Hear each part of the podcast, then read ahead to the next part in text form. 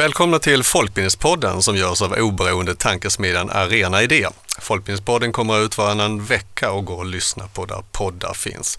Jag heter Ola Bo Larsson och med mig i studion har jag som vanligt Felicia Hedström, rektor på Jakobsbergs folkhögskola. Jajamän, här är jag. Härligt att ha dig här även denna gång. Eh, idag kommer vi att fokusera på lite korta nyheter.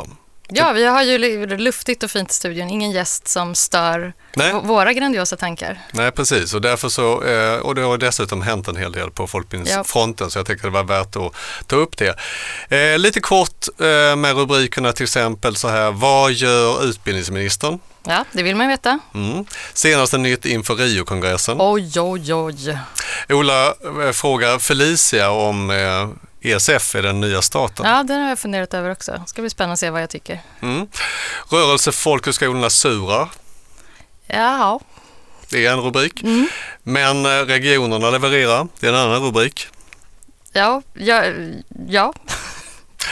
Och sen har ju Folkbildningsrådet sett över studieförbundens eh, studiebidragssystem och föreslagit ett nytt. Så det ska vi också uppmärksamma. Ja, det är ju spännande. Och också så uppmärksammar vi naturligtvis fritidsgårdsgate i Botkyrka. Ja, herregud, vad har hänt? Vem gör vad? Nu, ja, det är så många turer i det där. Mm. Försöker följa med. Det kanske är till och med inte ett fritidsgårdsgate utan ett demokratiproblem-gate menar somliga. Men vi ska titta lite grann på det. Allt detta kommer vi att ta upp, eh, men först, hur är det för en rektor där ute i verkligheten just nu? Ja, men jag kände lite innan jag klev in i studion att jag kanske legat under en sten de senaste tre veckorna. Så att, att vara ansvarig för nyhetssvepet här i folkbildningsvärlden. Jag är väldigt glad att du står här vid min sida, för jag vet att du har varit väldigt aktiv de senaste tre veckorna. Men mm. jag, det skulle väl karaktärisera en folkhögskolerektor. Det är mycket i början av januari sådär. Nu, nu börjar saker falla på plats. En sak som jag har varit aktiv inom är att jag har varit på Folk och kultur i Eskilstuna som jag tänkte vi kunde kommentera precis lite innan vi tar nyhetssvepet. Det kom du... ju ändå en del, det sipprade ut en del från det i, i vanlig nyhetsmedia, inte bara i Folkbildningspodden media. Så, så på det sättet tyckte jag var lite roligt. Mm. Eh, men eh, jag var ju inte där. Vad jag... var det du tänkte på? Kommer du ihåg någonting som sippade ut? Eller? Ja, det, det är det jag borde göra nu. Nej, okej, okay, det, det, bara sippade ut lite. Ja, men det gjorde det. Det var ju bland den här eh, frågan om Sverigedemokraternas representation i... Ja, om man ska styra museum. Sveriges läns... Eh, ja, ja, men den Uppe i Gävleborg till ja. exempel. Eftersom Sverigedemokraterna har gjort vissa utspel inför valet om, om vad man vill göra med kulturen. Ja, och vi har ju pratat mycket i den här podden om en armlängds avstånd och sådär, så att just den var ju lite extra spännande eftersom de många gånger säger att de också vill ha en armlängds avstånd. Men mm. sen så kommer det vissa sådana här utspel som tyder på någonting annat. Det fanns ändå en del folkbildningsinslag även om Eskilstuna kommun och Kultursverige dominerar så, så är ju folk, ja, folk och kultur heter det så folkbildningen är ju viktigt. Till exempel så var Sveriges folkhögskolor tillsammans med just länsteatrarna och svensk scenkonst stod bakom ett, ett seminarium som heter En samman hållen utbildningskedja för konstnärliga yrken. Eh, Studieförbundet Bilda hade en seminarium som heter Musiken som hopp som handlar om funkismusik och så. Och sen så var kulturen, Studieförbundet för kulturen också medverkade lite här och där såg jag. Däremot så, så eh, var jag faktiskt på några saker och den en sak jag var på det var ju Folkbildningsrådets eh, eh, seminarium som heter Vad vill vi med folkbildningen? Amanda Lind var med vid det tillfället, alltså före detta kulturminister och även vår utredare, folkbildningsutredare Christer Nylander var där. Detta om folk och kultur, kan återkomma lite snart med det. Men om vi tittar lite grann på nyheter då. Eh, studieförbunden som sagt var, eh, det håller på att utarbetas ett nytt bidragssystem. Det skulle man också kunna, om man varit lite vaken, se följa en digital konferens om du hade varit under, inte under den där stenen utan varit uppe och vaken. Ja, men jag, jag, där har jag faktiskt, eh, den vet jag har varit. Nej, men man kan också läsa på Folkbildningsrådets hemsida eh, till exempel, väldigt kortfattat och egentligen ska man säga att själva konferensen kanske inte inte gav mer vid handen. Det står så här, för första gången kommer statsbidraget att fördelas utifrån kvalitetskriterier och de olika studieförbundens egna målsättningar. Folkbildningsrådets uppgift i den nya modellen blir att bedöma studieförbundets eget målarbete, kontrollera att de följer statsbidragsvillkoren samt att följa upp och utvärdera verksamheten. Förslaget innebär också skärpta villkor, bland annat om studieförbundets ansvar vid samverkan och för kostnadsersättningar till samverkansparter. Hur låter detta? Det låter ju hyfsat konkret. Jag kan se det framför mig. Vad man behöver göra inom folkhögskolan skulle jag vilja säga att vi har mycket av, dem, av den styrningen idag. Mm. Eh, och att den känns många gånger rimlig och klok. Så det kanske blir jättebra. Mm. Jag nämnde ju att på eh, Folk och kultur så fanns ju en, Folkbildningsrådets egen eh, seminarium då som heter Vad vill folkbildningen? Eh, och där, där kom eh, Christer Nylander som är folkbildningens egen utredare in på det här. Nej, men det måste nog både och. Alltså jag tänker dels så måste studieförbunden själva vilja vad de vill ha ut för någonting. Alltså det är inte konstigt om ABF vill ha en kurs i arbetarrörelsens historia. Eh, å andra sidan så måste de också fånga upp vad, vad befolkningen vill ha. Och där, och, så därför måste initiativen komma från många olika håll. Om de sen inte får någon som vill gå kursen i arbetarrörelsens historia så får de inte det. Då får de lägga ner den kursen. Men, men eh, när man då möter så att säga, marknaden så måste man också ha målet där att ha kvalitet och inte bara jaga kvantitet. Och ett, ett av om ni inte citerar mig. Men ett av problemen idag tror jag är just det som flera har varit inne på, det här behovet av att ha många timmar, kvantitet. För det finns en rationalitet i detta. Att både jag som jag som vill starta en, en, en eh, musikgrupp, jag har ju en vilja att komma till det studieförbund som erbjuder bäst. Och studieförbunden har en vilja att erbjuda dig mest för att de vill ha dina timmar. Så båda två agerar rationellt i det systemet som är. Men det blir en kollektiv rationalitet som är summan av det hela så att säga. Så att det, och där tror jag att, som också Folkbildningsrådet är inne på, att försöka gå så långt möjligt från att mäta timmar till att mäta kvalitet. Och det hänger det ihop med vad de olika tidsstudieförbunden verkligen vill bidra med. Det han säger här är ju att måste, man måste ställa sig frågan om det är det här vi ska, ska vi göra det här? Tycker vi att det här är något som passar oss. Bara för att det kommer bidrag så behöver man kanske inte göra det. Det här tror jag att jag hörde. Om man, tänker, om man tänker på att det bara var ett klipp. Ja. Studieförbunden måste vara hårdare mot sig själva och våga lägga ner kurser som inte finns något intresse för. Vilket jag tänker att så är det väl idag, men det kanske inte är det då. Han sa i alla fall hårdare tag på att lägga ner kurser. Mm. Man kan ju översätta det till folkhögskolornas värld. Um, vill, det har ju varit en kritik länge mot Folkbildningsrådet och staten att man bara får extra pengar för, för liksom villkorade uppdrag. Ja, om man vänder på det lite så säger man om man, man ska göra en, en, en kurs som många vill gå på, något väldigt populärt, att göra karameller kanske. Jag försöker ta något nu som kanske ingen har så jag inte trampar på någons tår. Mm. Karamellgörarkursen som mm. jättemånga vill gå på. Mm. Det är ju marknaden då som säger det. Mm. Men utifrån våra fyra syften, mm då kanske inte karameller, ja det kanske kan vara för vi har fördjupa, man fördjupar något intresse eller det kanske är liksom något kulturbärande i att liksom en gammal karamelltradition från Bergslagen så.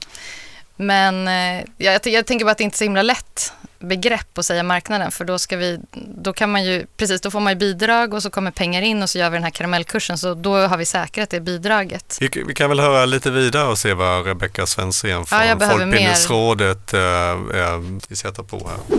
Jag kan bara instämma i det du säger Christer, det vi vill komma åt med det nya bidragssystemet är ju precis det här studieförbunden utifrån sin särart, sina egna målsättningar tar ett större ansvar för verksamheten och, och också det som vi, tror jag, det är typ bara folkbildningen som pratar om det, men pratar om anordnarskap, det vill säga att man har, tar ett ansvar för verksamheten och eh, sitt ansvar som anordnare av verksamheten.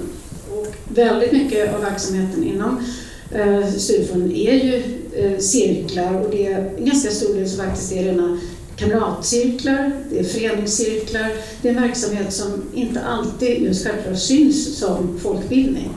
Eh, och det där är väl något som, som behöver synliggöras och, och visa på. Vi har sett i våra studier att, att över 90 procent av cirkelledarna är idag ideella ledare och det säger en del om verksamheten. Ja, men det var Rebecka Svensson från, eh, från Folkbildningsrådet eh, som pratade om, om studieförbundens framtid.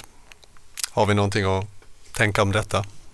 Jag tror också jag tror många också känner att det är läge för det just nu och, och att det också är rimligt att tänka så. Med, men frågan är som... Ja, men det är därför jag tänker att det, om man är inne i ett system så känns det oftast lite tungt kan jag tänka mig för den enskilde eller man måste ställa om men eh, ja vi får väl se men eh, det är ju bra att man kommer någonstans eftersom det har varit så mycket diskussion om det här. Så är det bra att man har landat i något. Jag kan bara tillägga det här med folk och kultur. Jag, det är ett ganska häftigt ställe för det, mycket, det var ju ändå ganska mycket folk och uh, jag var själv inblandad i ett seminarium som var fullsatt vi fick liksom Eh, vilket överraskade mig att det skulle komma så mycket folk och, eh, och, och, man kan tycka att det är väldigt många människor som har samma åsikt som samlas på samma ställe men det är väldigt mycket pepp och mycket... Men sådana sammanhang är alltid viktiga. Mm. Det fanns en, ett seminarium som heter Uppdrag kulturpolitik där, där liksom kulturpolit, kultur, kulturpolitiska uppdraget diskuteras av alla politiker. Tänker jag en sak som vi varit inne på i den här podden det är att det var eh, fyra politiker från oppositionen medan bara en från regeringen. Och då kommer jag att tänka på, på vår kära utbildningsminister som vi har med varje program, eller som vi inte har med varje program här. Nej, det, han är inte här. Nej. Vi har ändå frågat snällt flera gånger. Mm. Säger någonting om folk och kultur, mitten, liberalt och vänsterprojekt kanske. Eller så säger det bara att, att, att regeringen ligger ganska lågt nu när det gäller kultur och folkbildningsfrågor. Ja, så kan det vara också.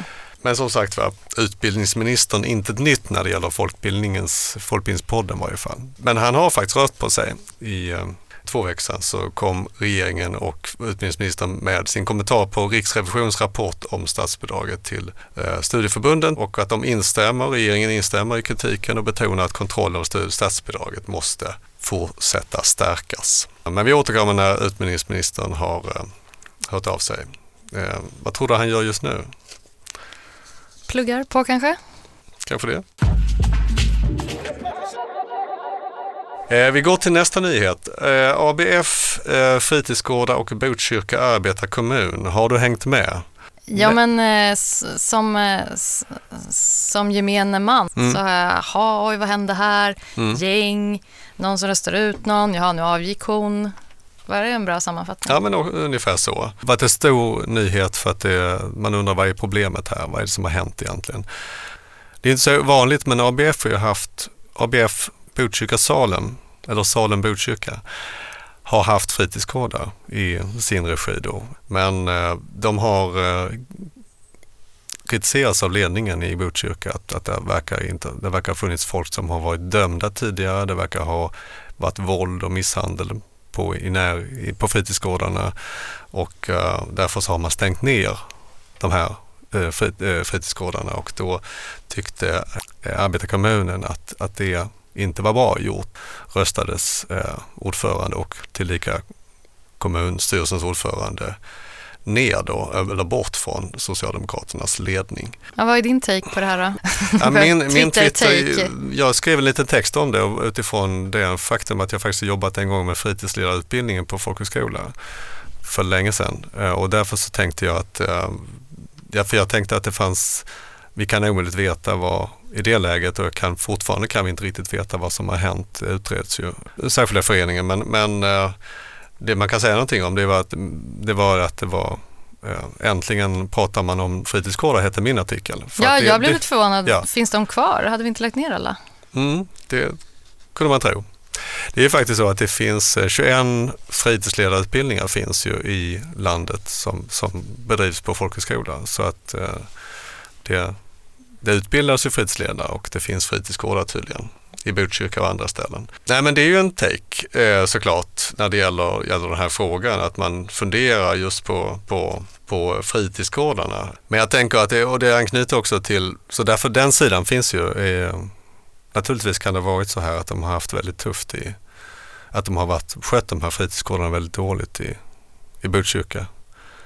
Men det kan ju också vara så att det har helt enkelt, de har gjort sitt absolut bästa i en väldigt svår miljö. Det vet vi inte.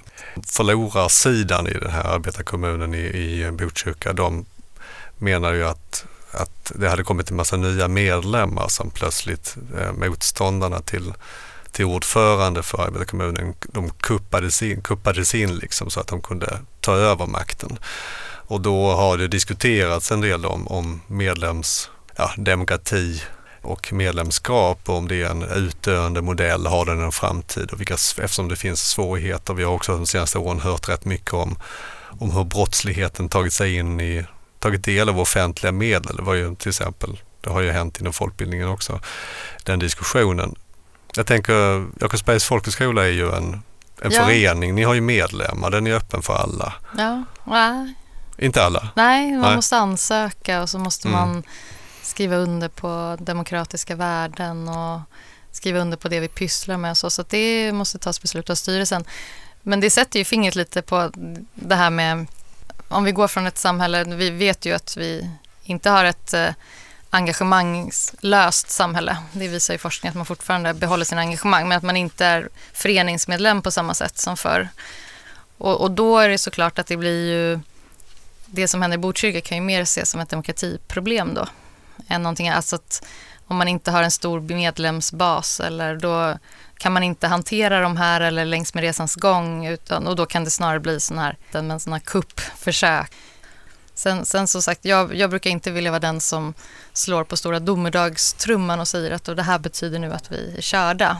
Eh, för att som sagt, peppande nog ser man folk som har, har mycket olika spridda engagemang men det ser inte ut som förut samtidigt som vi har strukturer som ser ut som förut. Det finns i Dagens Arena skrev eh, en text om, om det här och där, där uttalade sig Jonas Hinfors som är statsvetarprofessor i Göteborg ja, om att oh det är precis, eh, det är precis eh, detta som är demokratin. Det är det hela tiden. Det har alltid varit så här. Nej, han, nej. han försvarade modellen ganska kraftigt men när, okay. när, andra kanske var mer kritiska till att kommer det här och är det här möjligt i dagens samhälle? Ja, ja, det, det var en debatt. En annan diskussion man kan ha det är ju liksom, det finns ju en del ABF äger då fritidsgårdar här Eh, i Botkyrka. Det finns andra exempel på det. Folkhögskolor och studieförbund äger förskolor, restauranger, vuxen, eh, gymnasier och så vidare. Är det någonting som är dåligt? Ja, det, det där är ju spännande. Vi brukar, det är många, många inom folkbildning som pratar om det tredje benet. När, man, när vi inte har statsbidrag som täcker den verksamhet vi gör, då börjar vi kolla på vad kan vi göra mer. Kan vi ha, jag vet att vissa folkhögskolor har coachningsverksamhet, alltså att man har en separerad där man också ibland vänder sig till ungefär samma målgrupp, alltså inte samma personer men människor som står långt från arbetsmarknad och man kan erbjuda olika vägar in som att man går och läser igen gymnasiet eller man kanske får någon coachande verksamhet, eh, stöd eh, inom någon arbetsmarknadsåtgärd. Ja, du, du frågade mig om det var dåligt. Att, nej, men det gäller att hålla tungan rätt i mun. Mm. Jag tänker att du skulle svara ett ja på det här. Så jag tänker att det här är ju självklart så att folkbildningen är ju jättebra på att göra de här. Ja, mm. det kan ju alltid mm. problematiseras. Mm. Okej, okay, vi går eh, vidare. En annan eh, nyhet med lite samma tema här det är att eh, i, i eh, senaste numret av Courage så skriver professor Johan Söderman om hur idrottsrörelsens folkbildningsarbete ser ut. Eh, Johan Söderman är ledamot i Folkbildningsrådets styrelse. Han är, då skriver han så här att den svenska idrottsrörelsen engagerar ungefär en tredjedel av befolkningen och beskrivs emellanåt som landets största folkrörelse. Och med folkrörelsen kommer automatiskt folkbildning. Han svarar ja på det. Vi har ju varit inne på det här lite grann och jämfört folkbildning och idrottsrörelse ett par olika avsnitt ja, tidigare. med Christian Nylander pratade vi om hur man har sett på självförvaltningsmodellen. Eh, han skriver så här, en knäckfråga för idrottsrörelsen tycks vara utmaningen med att få unga att stanna kvar i idrottsrörelsen. Men en förstärkning av den folkbildande ansatsen borde kunna åtgärdas så att även de vars intresse för idrottsutövande svalnat finner sin plats genom en stärkning av kringaktiviteter och estetiska inslag. I en tid när springpojken återuppväckts av de kriminella gängen och där unga kan fostras till kriminalitet erbjuder idrottsrörelsen också ett alternativ väg in i arbete för barn och unga. I förebyggande ungdomsverksamhet talas det ofta om fritidssysselsättningen och fritidsgårdar. Här erbjuder idrotten något mer, nämligen arenor för unga att lära sig grunderna för framtida arbetsliv genom en förtroendets pedagogik inom ramen för föreningens gemenskap. Folkbildningen inom idrottsrörelsen kan på så vis utgöra ett konstruktivt alternativ präglat av insikten att också på arbete att också arbete är något att lära sig på vägen genom livets bildningsresa. Ja, det är ju lite intressant utifrån vad vi pratade om fritidsgårdarna tidigare, att det här, han, han tror alltså mer på idrotten, om, om att kunna utveckla idrotten. Eh, man brukar säga att idrotten är ju nästan är ju väldigt bra på integration. Men som sagt var, Johan eh, menar att man inte är så bra på just den här folkbildande delen. Som Nej, frågar. jag säger shoot. Alltså, vadå, vi, vi är väl många som hjälps åt. Det är, mm. bara, det är bara, vi kan väl kroka arm. Mm. Nu har vi fastnat lite grann i det här med eh, fritidsgårdar och idrott. Så, men det är liksom som, det, vi kan inte bortse från den fond av uh, gängbrottslighet som finns just nu kring all... Nej, men vi går vidare i nyhetssvepet här som vi snart börjar uh, avsluta. Uh, det är Rio-kongress. Vad betyder det? Ja, men då rörelsefolkhögskolorna. Ja. rörelsefolkhögskolorna eh, samlas och eh, enar sig kring olika frågor som man vill fokusera på de kommande två åren. Och då får alla skicka in motioner och fundera på vad, vad vill. Vi är ju fria och självständiga skolor och, och därför är det väldigt viktigt de forum vi har där vi kan snacka ihop oss och tänka, mm. och för att då, då har vi också mer kraft bakom det vi säger. Så det ser jag fram emot i april.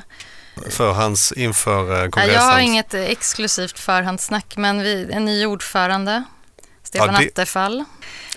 Han avgår alltså? Han avgår, yes. Ja, och det är ju en stor nyhet då. Ja. Yeah. Mm, för att han har varit ett antal år och varit uppskattad eh, ordförande och ganska nära inpå här nu så, så avgick han. Så, så vem ska ersätta Stefan Attefall är en stor fråga.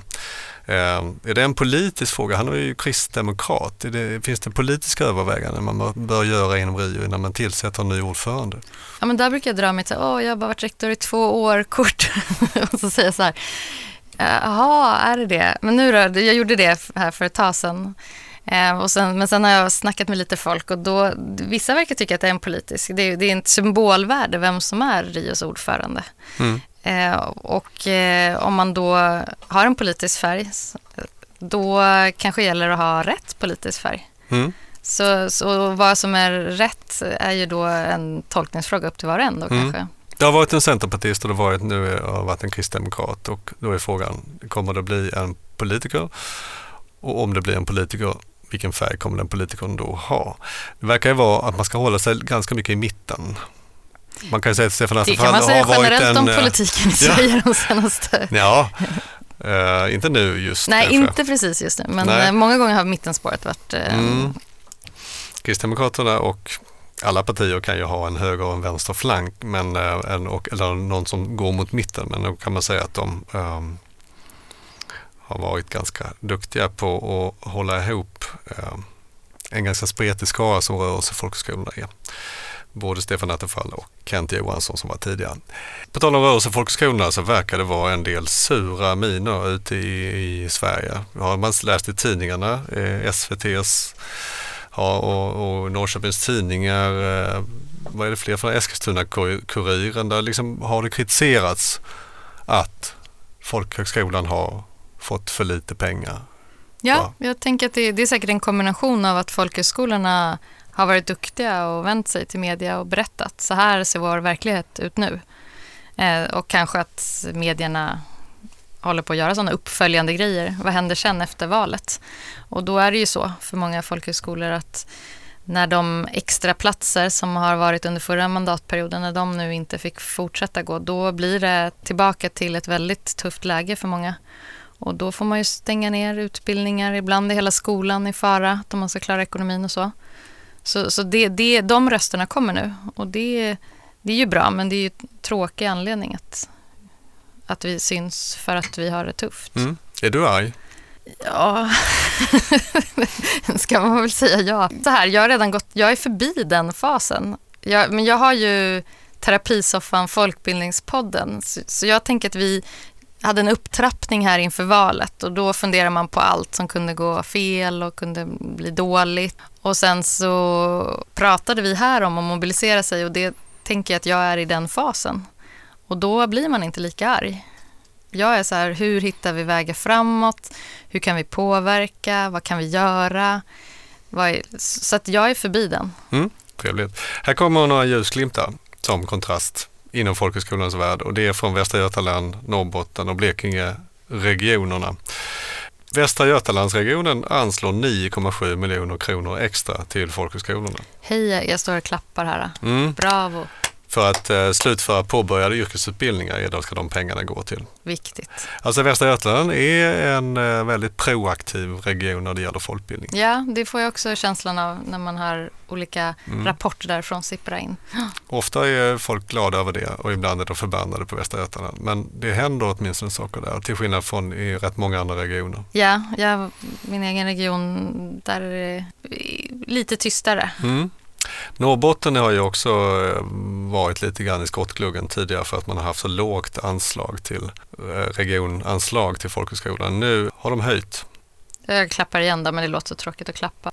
Och det är ju, kan man tycka, ja ni var ju lägst så ni var ju tvungna att höja på något sätt. Men det är ändå att någon höjer ett anslag är bara sådär är ju, är ju ändå intressant. Blekinge så har man eh, gått tillsammans och jobbar hårt för att, för att rädda utbildningar som just på grund av då den här uteblivna extra pengarna inte har kunnat ligga, ligga i farozonen. En annan eh, instans som förutom regionen då som är en viktig spelare som blivit en allt mer viktig spelare är ESF, Europeiska socialfonden. Ja, Du har tidigare eh, pratat om det här CARE-projektet som ni... ja nu måste jag stoppa dig där och säga att det heter Care of folkbildningen. Mhm. Om man inte säger det så kan man få sina EU-medel Mm, indragna. Så jag skulle vilja att vi kallar det Care of folkbildningen. just det. Nu var det jag som sa det, jag har inga medel från... Nej, men jag är lite från- nervös Mm. att göra rätt här eftersom Mm. vi får ganska mycket medel till det. Okej. Men det är... Eh, Ja, det är riktat mot ukrainare som kommit hit och fortfarande inte får SFI. Nu, nu läste jag bara förra veckan att det är flera kommuner som ändå gått in och erbjudit det. För att det är så många som varit här länge nu och inte kommit igång med svenskan eller svenska studierna. Så Mm. att, eh, det här är ett sätt att eh, erbjuda undervisning i svenska, etablering på arbetsmarknaden och samhällsorientering. mm. Är det några fler saker som har hänt sen sist än att du har blivit medveten om att det heter CARE of... Eh, Ja, jag har också jag har lite. EU-flagg på mitt kontor, för det måste man ha också. ja, ja. På tal om vårt tredje ben då, som vi folkhögskolor står på. Eller sådär. Det här är ju faktiskt ett projekt som medel som har sökts via Folkbildningsrådet, vilket ju är fint. Det finns ju väldigt mycket pengar i Socialfonden som handlar om precis det vi många gånger gör Mm. På folkhögskolan. Vi hade ju, även innan vi fick CARE-pengarna så gjorde vi Svenska från dag ett som riktar sig mycket till ukrainare och så. Mm. Eh, men eh, det är ju det är en helt annan apparat. Vad gäller, det, det är jättetungt administrativt. Det, vi kan inte rida på gamla administrativa meriter så att det, det kräver mycket folk. Och sen så, så är det det här att det, man, man ska liksom skohorna in hela EU-byråkratin i också det som vi behöver förhålla oss till inom folkbildningen för att den ska ändå göras på en folkhögskola. Och, och då, då, då är det lite svårt att hålla tungan rätt i mun och Mm. få till det. Samtidigt som jag tycker att det är otroligt positivt att folkbildningen nu kan gå in och se till att de här ukrainarna som går här och väntar och bara är sugna på att komma igång med sina liv eller bara få lära sig svenska om man är i ett land som och ens moderland är i krig om man inte vet när det tar slut. Så, så det känns ju fantastiskt och Mm. fint att det möjliggör. Nej, men jag frågar ju lite grann om ESF är den nya staten i den bemärkelsen att det, det kanske där framtidens pengar finns för folkbildningen. Det är ju en stor fråga men eh, det är ju tydligt att eh, vi, vi, det, det finns pengar som du säger och det folkbildningen förutom det här care av folkbildningen. Ja, Det helt heter, rätt. det Det heter care of folkbildningen. Care Ja. of folkbildning Ja. heter det. Så finns det också det här projektet Vägen. Eh, Känner du till det? Ja, jag läste, det verkar väldigt fint projekt som är någon, har pågått under några år genom någon förstudie. Det var väl förberett. Men det är, då har, det är också ESF-pengar och är väl eh, folk som står långt från eh, arbetsmarknaden eller utanförskap tror jag på olika vis. Mm. Där eh, man erbjuds då olika vägar in mot samhället. Mm. ESF-projektet ESF Famn eh, var liksom en, eh, en sån här förstudie mellan 2019 till 2021 och så nu har det utvecklats till Vägen som, som, eh, som har en budget på över 150 miljoner och ESF-rådet bidrar med 85 miljoner och det ska pågå under tre år och det är alltså folkhögskolor vad jag har förstått. Är det så? Ja, jag, jag sa folkhögskolor som blev lite osäker igen. Ja. Jag bara, men jag mm. tror att det är bara folkhögskolor. Jag, jag mm. satt och kollade på listan innan det här. För FAM var ju ett folkhögskoleprojekt. Som, eh, för det handlar ju om Nej, men det är nog folkhögskola. folkhögskola Skicka alla klagomål som till arena Ola för metodutveckling med nyanlända. Var det tidigare. Och där har de ju gjort en hel eh, där skulle vi kunna knyta an till förra, förra programmet om, om om det här med läromedel, för de gjorde ju ett läromedel kan man nästan säga. Ja, det finns en fin bok där man ja. kan hämta lite metoder och inspiration och material. Men den ska vi prata om en annan gång kanske, för nu så tycker jag att vi har svept över det som har hänt inom folkbildningen eh, och eh, ja, vi kommer att ses om 14 dagar igen och eh, då kommer vi ha en gäst här. Tack för idag Felicia och vi tackar vår tekniker Love Edström. Tack, tack. Hej då. Vi tack. ses. Hej.